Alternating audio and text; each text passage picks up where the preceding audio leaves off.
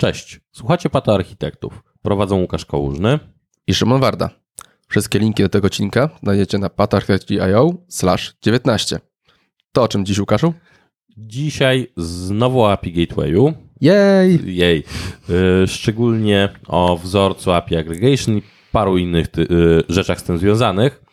Tak patrząc anegdotycznie, wyszło nam kilkanaście stron notatek w trakcie przygotowywania, linków innych rzeczy. No i wyszło na to, że mieliśmy kupę w niektórych miejscach być może niepotrzebnych dyskusji akademickich purystów i idealistów, ale świat nie idzie tą, tą drogą zdecydowanie. Tak, i jak, jak się niektórzy pytają, ile czasu idzie przygotowanie jednego odcinka, to ten chyba przebił rekordy i było z 8? 8, 8 godzin rozmów. Tak, na 20 minut odcinka. Zobaczymy. Zobaczymy, co będzie. Dobra, to co czytałeś ostatnio? Y, ja tym razem odstępstwo od InfoQ, czyli mianowicie przez święta udało mi się coś większego, czyli mianowicie uporządkowanie wiedzy w kontekście Kubernetesa i Kubernetes in Action Manninga. Bardzo dobra książka. Mimo, że Kubernetesa znałem i to bardziej było w kontekście uporządkujmy sobie, zobaczmy, gdzie co brakuje, to po pierwsze nie nudziłem się, po drugie fajnie w ogóle przeprowadzona narracja, ładnie powiązania, nie jest taka wyrywkowa. Naprawdę byłem pod wrażeniem, jak dobrze się przez to przechodzi. To jest ciekawe, bo można w sumie w dowolnym momencie otworzyć po spisie treści i wejść do danego tematu problemu. Tak, ale to ważne, nawet czytając ją po kolei, też się ją dobrze czyta w ogóle, więc naprawdę, ja bym też polecał książki, obyszko książki do, do Kubernetesa, szczerze mogę polecić. Tak. Super jest. Ja jako drugą zawsze polecam, bo mhm. ta czasami głęboko wchodzi. Na pierwszy, tak. na pierwszy rzut lepszy jest y, Kubernetes Up and Running, w szczególności, że chyba nadal jest za darmo. Druga edycja Microsoft daje y, w zamian za dane osobowe. A, faktycznie było tak. Tak, i tam ona jest chudsza więc można ją szybciej przeczytać, a potem zagłębić się w inaction w szczegółach. Możliwe, mi to właśnie wejście w szczegóły mi pasowało, bo już znałem te pojęcia, więc to było takie, okej, okay, no to coś, na każdej stronie był jakiś smaczek, coś, coś tam się dało znaleźć, więc było niezłe. A co u ciebie? Wiesz co, mamy nową dekadę, więc trafił mi się wpis podsumowujący technologię w poprzedniej dekadzie i jak to wygląda, więc było dużo różnych zagadnień poruszonych, co się, pojawi, co się pojawiało, na rzecz czego i dlaczego. E, czytałem, faktycznie fajne, to co mnie ucieszyło tam i mam nadzieję, że będzie się kontynuowało, to są się streamy i cały ruch w związku z observability. Bo zaczęło się, ale mam wrażenie, że ten ruch się jeszcze nie rozkręcił i to jest takie, nawet, nawet patrząc po specyfikacji, która jest otwarta i co się dzieje w tym, w tym obszarze, to to dopiero początek. Tak, patrząc się, że to jest moja dekadami, to będzie moja y, druga zakończona dekada, dekada w IT, bo. Zakończy się dopiero jak wejdziemy w rok w kolejny. 10, dekada. Tak, dekada w Tak. Od zera czy. Dobra, tak. nie będę wchodził, teraz się z tą kłócił. Yy, ale to, co się pojawiło, to jeszcze inną rzeczą to, że continuous integration teraz jest normą. Tak. Znaczy powinno być normą. O, może inaczej. Powinno być normą. I druga rzecz, trochę powiązana, że API is the king. Zaczęło się takie, jak to zostało w tym określone, apification of things. Tak, ja się zgodzę i fajną swego czasu miał uwagę Mark Randall i pamiętam na prezentacji, e, w ogóle polecam wam prezentację tam, my 10-year plan as a developer i on się mówił, że, że cały właśnie AI, Alexa dalej, one ruszyły bardzo mocno cały ruch appification, bo nagle mamy inne API, nagle już nie jest to web. Jeszcze tylko aplikacje mobilne i tak dalej, i tak dalej, ale faktycznie zgodzę się jak najbardziej. Dobrze. To, to zaczynamy. Tak. Będziemy mówili o API Gateway i to ważne, ta różnica. O API Gateway, nie o, o API Proxy. Czyli będziemy wiesz, mówili o funkcjonalnościach, wzorcach, właśnie jak znaczyłeś, y, API Aggregation, które też często nazywane bywa jako y, API Composition. Mówimy w ogóle o API Gatewayu, to nasuwa się jedno słowo, pierdolnik. W założeniu, w teorii y, API Gateway powinien być albo jest anti-corruption layer, utrzymuje wersjonowanie, czy buduje ten cały pierdolnik, którym jest tłumaczenie protokołów, jeżeli je chcemy, czy inne funkcjonalności translacji tego wszystkiego. Tak, jeden pierdolnik tam pewnie będzie, z tą różnicą, że często to, że mamy właśnie ten pierdolnik, pierdolnik wynika z tego, że nie myślimy jak podzielić, bo właśnie ten API Gateway staje się takim workiem na wszystko, a ten worek można ładnie podzielić horyzontalnie. I w tym momencie, jeżeli wprowadzimy wzorzec, który jest trochę promowany, wydaje mi się, że jest trochę za mało promowany, czyli mianowicie BFF, czyli Backend for, for Frontends. który bardzo ładnie wertykalnie właśnie dzieli API Gatewaya. Dobra, to wprowadziłeś nowe pojęcie, to powiedz w dwóch daniach, czym jest Backer for Frontends. Upraszczając, stworzenie osobnego, dedykowanego endpointu API per typ konsumenta. Mm, Przykład, te, ci konsumenci mogą korzystać, te, korzystać z tych samych danych, ale mieć inne API. Przykład jaki jest, to jest na strona webowa i aplikacja mobilna. Niby pokazują tą samą listę produktów, ale mogą wymagać innych pól. To nam właśnie daje tę możliwość obcięcia i tak dalej. Bardzo duża elastyczność i samo prowadzenie tego użycia dużo ułatwia. Dobra, i po co robimy BFF-a? Elastyczność do, do dostosowania. To jest, wynika z tego, że zacznijmy, co z tego, że na start mamy takie, wyglądają tak samo te API, mogą różnie się zachowywać w ramach, wraz z upływem czasu. Ograniczenie ryzyka zmiany. Jak prowadzamy zresztą zmiany na wyświetlaniu produktów, to wiemy, że w tym obszarze wybuchnie nam tylko aplikacja mobilna, nie martwimy się innymi rzeczami. Yy, zawężenie zakresu wersjonowania to jest też bardzo, bardzo fajne. Nagle będziemy mieli 20 numerków, tylko na jednym będziemy mieli dwa numerki, na kolejnym na aplikacji mobilnej będziemy mieli dużo więcej numerków, bo nie zmusimy niektórych ludzi do migracji wersji i to jest bardzo fajne. Ja tutaj dorzucę od siebie też łatwiejsze security, przygotowywanie go, bo mamy dużo funkcjonalności w API Gatewayach, które potem możemy bardzo łatwo rozbić w takie konteksty i dostosować się bez kombinowania i rozdzielić to tak. od siebie w zależności od tego, co mamy, czyli inne wzorce, inne zachowanie przy mobilce, inne zachowanie przy webie przykładowo, czy przy innym jakimś wbudowanym kliencie.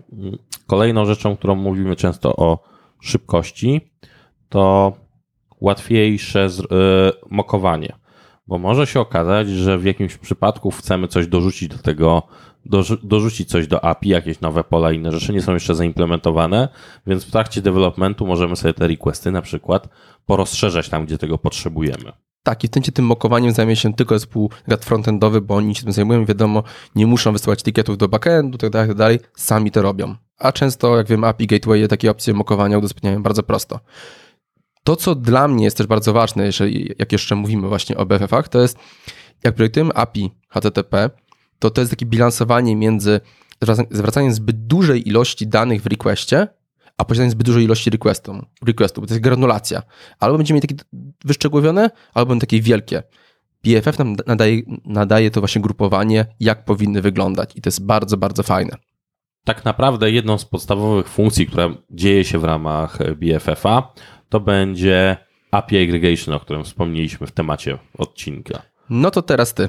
W dwóch zdaniach. Czym jest API Aggregation? Wiesz co, to jest y, głównie łączenie wielu requestów po stronie Application Gatewaya i często zdarzająca się gdzieś manipulacja tymi requestami, żeby je połączyć. Okej, okay. a w takim razie czemu robić API aggregation, bo to jest taki śliski obszar, że wchodzimy w rozumienie requestów, co może być antypatternem, takie bilansowanie, gdzie, gdzie pozwolić sobie na odrobinę antypatternu, żeby mieć wartość, a gdzie to nie ma sensu, więc czemu robić API aggregation?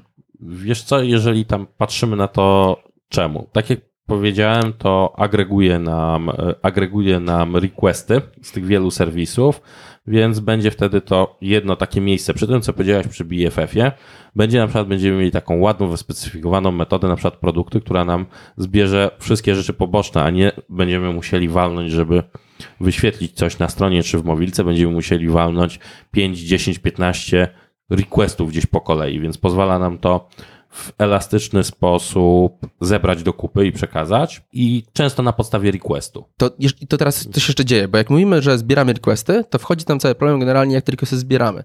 Czy zbieramy je równolegle? To jest taka fajna, fajna opcja, to działa. Ale nagle jest taka śliska granica, że wyjdziemy na zbieranie sekwencyjne. I tu wchodzimy w rozumienie i w tym momencie nasz w tym momencie nasz API Gateway nie staje się generalnie takim prostą przelotką, tylko staje się czymś, coś orkestruje, staje się ESB. Tak, i tutaj trzeba purystycznie mówiąc, to będzie orkiestracja API.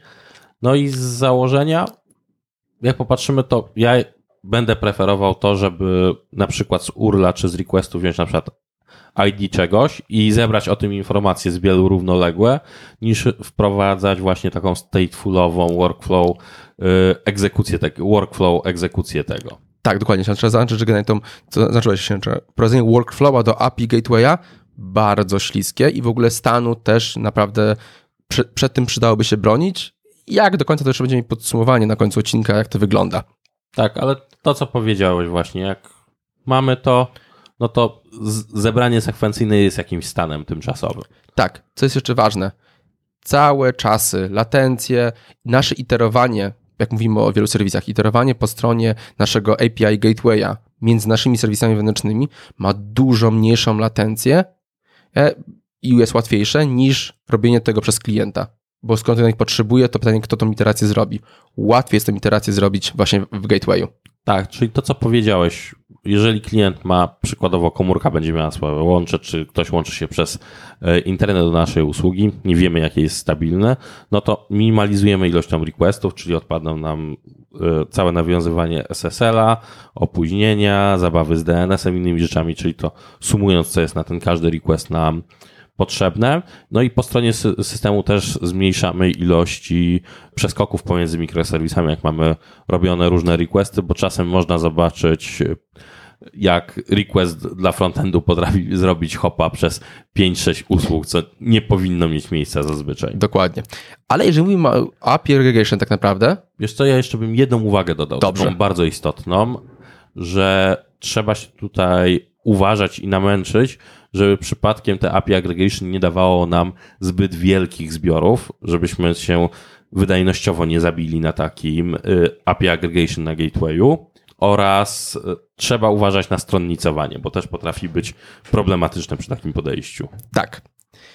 Tylko jak mówisz o podejściach, to jest też inne podejście tak naprawdę niż względem API aggregation. Jest cały GraphQL, który nam zmienia podejście z tym, jak podchodzimy do stronicowania, jak podchodzimy w ogóle do wyboru danych, który potrzebuje klient. I to jest takie ciekawe podejście, bo jest niemalże dokładnie odwrotne względem, względem całego API aggregation. Tak, ale I... jest zgodne z BFF-em. Jak najbardziej tak. Dobrze, no to przejdźmy sobie w ogóle przez różnice. Dla mnie takie jedno bardziej oczywisty to jest złożoność projektowania. W API Aggregation mamy dwie opcje tak naprawdę, jeżeli ruszamy z jakimś BFF-em. API, API Aggregation i API Gatewayem, bo to trzeba troszeczkę powiedzieć, to uwspólnić przy porównaniu tak. z GraphQL-em. No to mamy, mamy dwie opcje. Albo bierzemy jakieś istniejące API dla konkretnego, dla innego jakiegoś e, frontendu, kopiujemy i zespół ma wyciąć tego, czego nie potrzebuje. Jak doskonale wiemy, ludzie nie usuwają, nie wycinają rzeczy i mają albo zbyt duże requesty, albo mają zbyt dużo widocznych metod. Nie fajnie. Druga opcja to jest to, że zaczynają z pustego zestawu i dodają sobie to, co potrzebują. To znowu wymaga więcej czasu. A można by to zrobić inaczej. Tak, no i przy GraphQL-u jest to o tyle ciekawe, bo to z założenia GraphQL jest y, specyfikacją querowania, zapytywania restowych API, więc możemy tak naprawdę wszystkie mikroserwisy zebrać w takim y, serwerze GraphQL-owym do kupy i wystawić swój cały schemat wszystkie, wszystkiego, co mamy. Są nawet narzędzia do konwertowania e, OpenAPI, Swaggerów właśnie do schematów GraphQL-owych, więc naprawdę można szybko zacząć. I tutaj jest o tyle ciekawe, że przy tym, na tym, zamiast na API Gateway nie martwimy się o to, co kto co będzie pobierał, ponieważ nasz klient końcowy bierze to, co chce. Dokładnie sam, tak. Sam o to pyta. I teraz przejdźmy sobie do problemu, który jest w GraphQL-u, a w API Gatewayu można nim dobrze zarządzić, jest to wersjonowanie. I tutaj, jeżeli sobie szczerze na to popatrzymy, to sam GraphQL do wersjonowania nic nie ma w swojej specyfikacji. Y, coś tam ma, ale niewiele. Co, coś, coś ma i te coś ma, tak naprawdę znajdziemy to dopiero w dobrych praktykach i między zdaniami można wyczytać, że no jakie wersjonowanie? GraphQL powinien iść razem z całym developmentem i klientem, wszystko powinno iść do przodu, więc można powiedzieć, że wersjonowania nie ma. Nie ma. No teraz znowu w API Aggregation, ponieważ to bazuje na HTTP zwykłym, na czasownikach i tak dalej. Znaczy na całym gatewayu, implementacji tak. całego gatewaya. No to jest to znowu bardzo proste. Dajemy, dajemy to znane V1, V2. Dobrą praktyką, którą stosuje teraz Microsoft jest wersjonowanie nie V-kami, tylko wersjonowanie datami, data, datami API. To jest, jest dość czytelne. I tu mamy, mamy kilka opcji do wyboru tak naprawdę. Mamy to, że możemy aby wersjonować całe API, albo wersjonować API poszczególnego serwisu. Czyli przykład, mamy example.com slash API slash V1, czy example.com slash API slash user, czyli konkretny serwis slash V1. I jeżeli nie mamy BFF-ów, to nagle to jest taka ciężka decyzja właśnie, co, jak, gdzie wersjonujemy, czy po wersjonowaniu cał, całego naszego API, tych wersji za chwilę będziemy mieli bardzo dużo, poszczególnego serwisu, mamy leaky abstraction. A jak mamy BFF-a, to de facto wersjonujemy całego BFF-a i to ma sens, bo mamy kontekst użycia i to jest super. Więc tylko sprowadza. Raczej patrząc jeszcze tam w środku, jak sobie patrzymy, no tych schematów wersjonowania jest teraz masa. Tak. Ja też się spotkałem w niektórych przypadkach, że wersjonujemy w ogóle całym hostem. Czyli, że mamy API v3 kropka coś tam. Widziałem w paru miejscach. Ułatwia, tak, ułatwia, na pewno. Że zupełnie łatwo, przepinamy się zupełnie na nowy, na nowy endpoint i dziękujemy. Więc jest to, jest to też znowu rozważanie. Chyba te leaky abstraction jest najważniejsze, żeby w, nie schodzić w niektórych miejscach za nisko z wersjonowaniem poszczególnych komponentów, tylko bardziej opisywać całość. Tak, dokładnie. Idąc dalej, jeżeli, jeżeli mówimy o wersjonowaniu, to za, od razu powinniśmy powiedzieć o kontraktach. I ponownie, przy API Aggregation, API Gatewayu mamy OpenAPI, jak ktoś preferuje taką prehistorię, mamy, mamy WSDL-a, możemy mieć różne kontrakty, jeżeli chodzi, mamy kontrakty, wiemy dokładnie, co serwis zwraca. Możemy mieć takie protokoły komunikacji jak protobufy, gRPC, gdzie znamy kontrakt i go potrzebujemy, bo inaczej te wiadomości nie rozszyfrujemy de facto. I w wielu wypadkach jeszcze przy API Gatewayach ta translacja jest dość fajna, bo możesz Tak. powiedzieć, najczęściej jest to WSDL to REST i na odwrót, ale pewnie dla gRPC zaraz innych też się znajdą. Za chwilę się też pojawiają teraz tak naprawdę jeszcze e, całe, całe e, win, win, Windowsowe komunikacje, które teraz są tłumaczone na gRPC na przykład. Y, Tak, no bo WCF-y są teraz te automaty do tłumaczenia na WCF-ów, na gRPC się pojawiły. Dokładnie.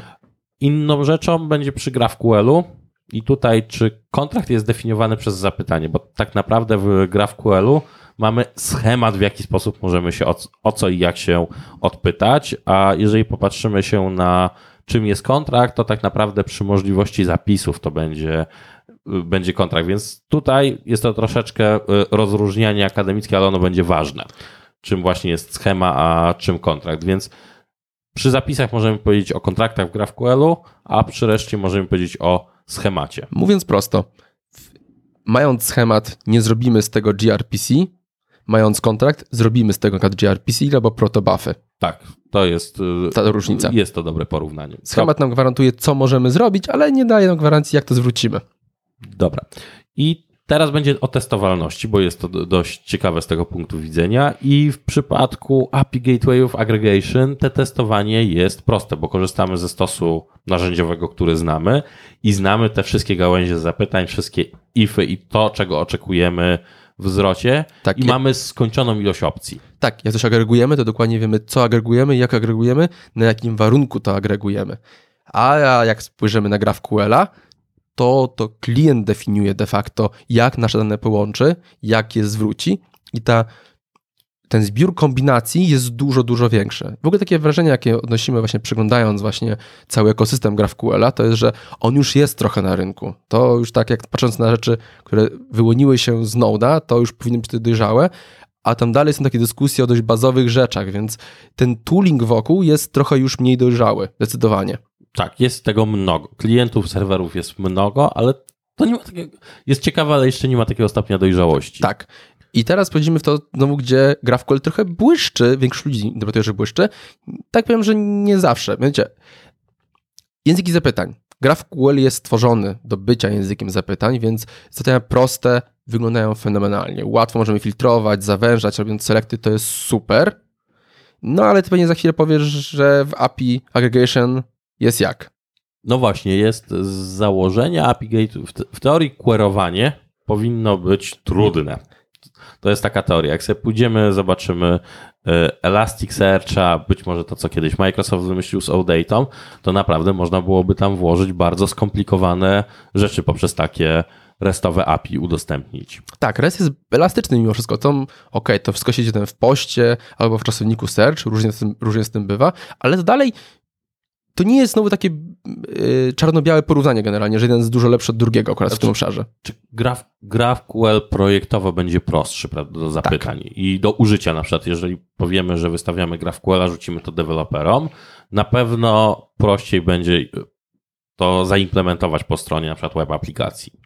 Tak, a propos teraz prostoty.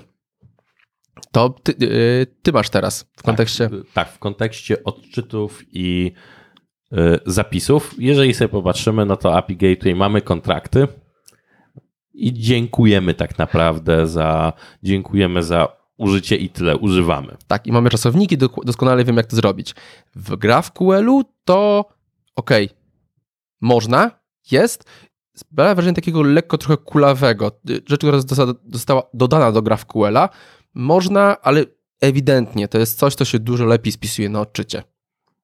Tak. Więc no, Tak, bo GraphQL ma swoje inputy, mutacje. Ja tak, jak tak patrzę, nie czuję, jak to ugryźć. Na przykład, jak się pierwszy raz na to patrzy, to nie ma poczucia, jak to ugryźć w przeciwieństwie do API Gatewayów. Jak się z tym, jak sobie z tym poradzić? O, jest jasne. Tak. Tutaj najczęściej API Proxy przy zapisie. Dziękujemy. Dokładnie. I mamy jasny kontrakt, co możemy jak zapisywać, bo mamy kontrakt tego naszego posta, czy puta. I wchodzimy dalej w takim razie w obszar, który też w GraphQL-u kuleje. Cache'owanie. Czemu?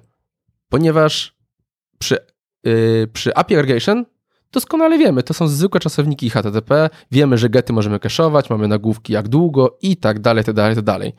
Korzystamy z znajomości HTTP, infrastruktury HTTP z ostatnich kilkudziesięciu lat. Tak, no i masz całą, całą rozproszoną infrę po tym pod spodem, rozproszone cache, możesz sam zdecydować przy politykach takiego requestu, jak to ma być zakeszowane, albo Dokładnie. kiedy, co i jak.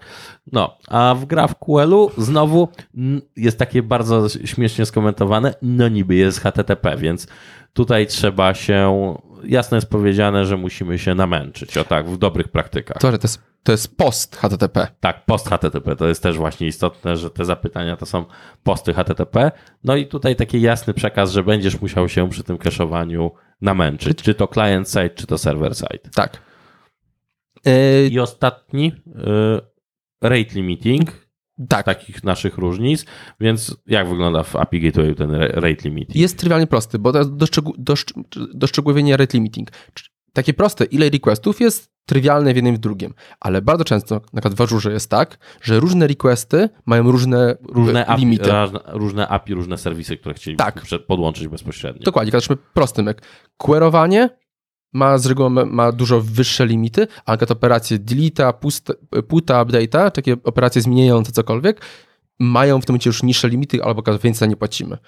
E, Co więcej, też odpytywanie się dane będzie złożone, też więcej nie płacimy. I to jest trywialne w API Gatewayu, w API Aggregation, a w GraphQL-u W GraphQL jak się popatrzy, to jest rzeźbienie. Jak się na, na tą chwilę popatrzy, żeby zrobić coś e, inteligentniejszego w tym miejscu. Znaczy, wchodzimy do tego, że musimy rozumieć request praktycznie. Musimy sparsować ten request GraphQL-owy, żeby zrozumieć, co on robi, o co się pyta i pytanie, jak bardzo zahacza te serwisy, które są droższe i powinny mieć, Tak, powinny mieć inny trzeba wejść sobie tam w bebechy i niestety się z tym, yy, nazwijmy to, męczyć. Jak sobie popatrzymy, to implementacje rzeczy na API Gatewayu infrastrukturalnie, technicznie są o wiele bardziej dojrzałe środku.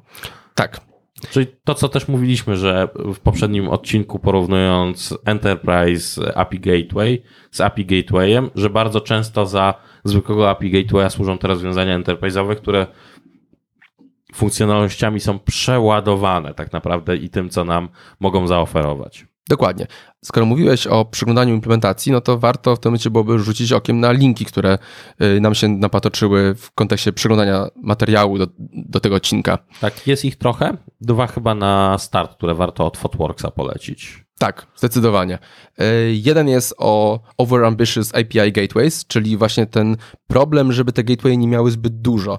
I naprawdę ciekawy wpis, zdecydowanie. I drugi? Drugi to jest y, Fotworks pomagał dla SoundCloud przy rozbijaniu, robieniu porządków z ich monolitami i mikroserwisami i tam wprowadzili również do kontekstu wprowadzili y, BFF-y, wprowadzili backendy dla y, frontendów dedykowane i jak sobie popatrzymy na schemat, no to sprowadzili tego dość sporo, bo, Bo też sporo tego powinno być. tak, sporo tego powinno być. Jeżeli sobie rzucę okiem, no to mamy mobile BFF-y. Webo, webowe dla urządzeń jakichś wbudowanych y, kawałek y, tego weba. Dla konfiguracji urządzeń wbudowanych, czyli jeżeli mamy jakiś głośnik Sonosa czy czegokolwiek, to y, dopięcie się do niego. A z drugiej strony jeszcze BFF for Partners, który wystawili tą część webową. Więc tutaj tych BFF-ów było sporo, sporo zbudowanych. Dobra, wrapujemy ten odcinek. Wnioski, jakie mamy? No to wiesz co, Szymonie, to, bo trochę nie odpowiedzieliśmy w trakcie i to jest e, rzecz. Co z logiką biznesową w API Gatewayu? Y, możemy się akademicko naginać, żeby jej nie robić i tak dalej, bo nie powinniśmy, ale tak naprawdę ona tam będzie. Od tego nie uciekniemy, trzeba się z tym pogodzić. Trzeba ograniczać jej ilość, ale ona tam będzie, bo API Gateway trochę od tego jest tak naprawdę, żeby takie rzeczy mieć. To jest taka warstwa, co powiedzieliśmy, to jest takie ładny anti-corruption layer, w którym pierdolnik będzie. Ten pierdolnik jest tym długiem technologicznym, który, musimy, musi, który powinniśmy spłacić. Pytanie, czy chcemy i pytanie, kiedy go chcemy spłacić. Dlatego ja bym rzucił właśnie do twojego, że warto ten temat przeambicjonowanych API Gatewayów Tak. zrobić sobie na ten temat, przeszuk- przeszukać, poczytać, zobaczyć co inni, bo wniosków jest dużo, różnych i właśnie gdzie znaleźć ten balans. I to trzeba samodzielnie dokonać tej decyzji. Dobrze, żeby ktoś od integracji aplikacji tego nie robił, bo zbuduje drugie ESB. Bardzo ryzykowne, dokładnie. Tak. Ja dorzucę od siebie tak ogólnie, że GraphQL, jak sobie popatrzymy, jako BFF dla frontendów jest genialny.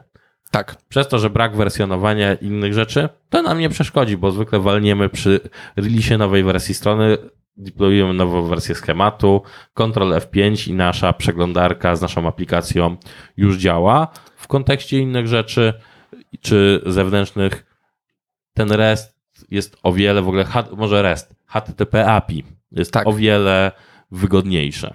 możemy wersjonować i i jest czytelniejszy, to nawet jak rozmawialiśmy, czasami w umowach z partnerami zawieramy kontrakty i schematy w umowach samych. I w tym momencie lepiej, żeby ta umowa nie była GraphQL-em, ten schemat, tylko niech to będzie po prostu zwykłe HTTP, łatwiej po prostu jest. Tak, mamy nad tym kontrolę. Tak. Jeszcze dorzucę, yy, dorzucę taki dość ważny wniosek, który właśnie mi się napotacza. To jest to, że BFF-y dają, BFF-y dają do API Gatewaya to, co brakowało bardzo dużo.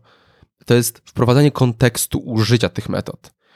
Bez BFF-ów de facto to mamy, mamy metody i nikt nie wie, po co one są, kto z nich korzysta i czego potrzebuje. Jak wprowadzamy BFF-y, to dzielimy to w ten sposób i wiemy, kto czego potrzebuje i możemy to nawet wygaszać, jeżeli nagle, nagle to już nie, nagle ten, ten frontend już nie istnieje albo, albo nie jest potrzebny.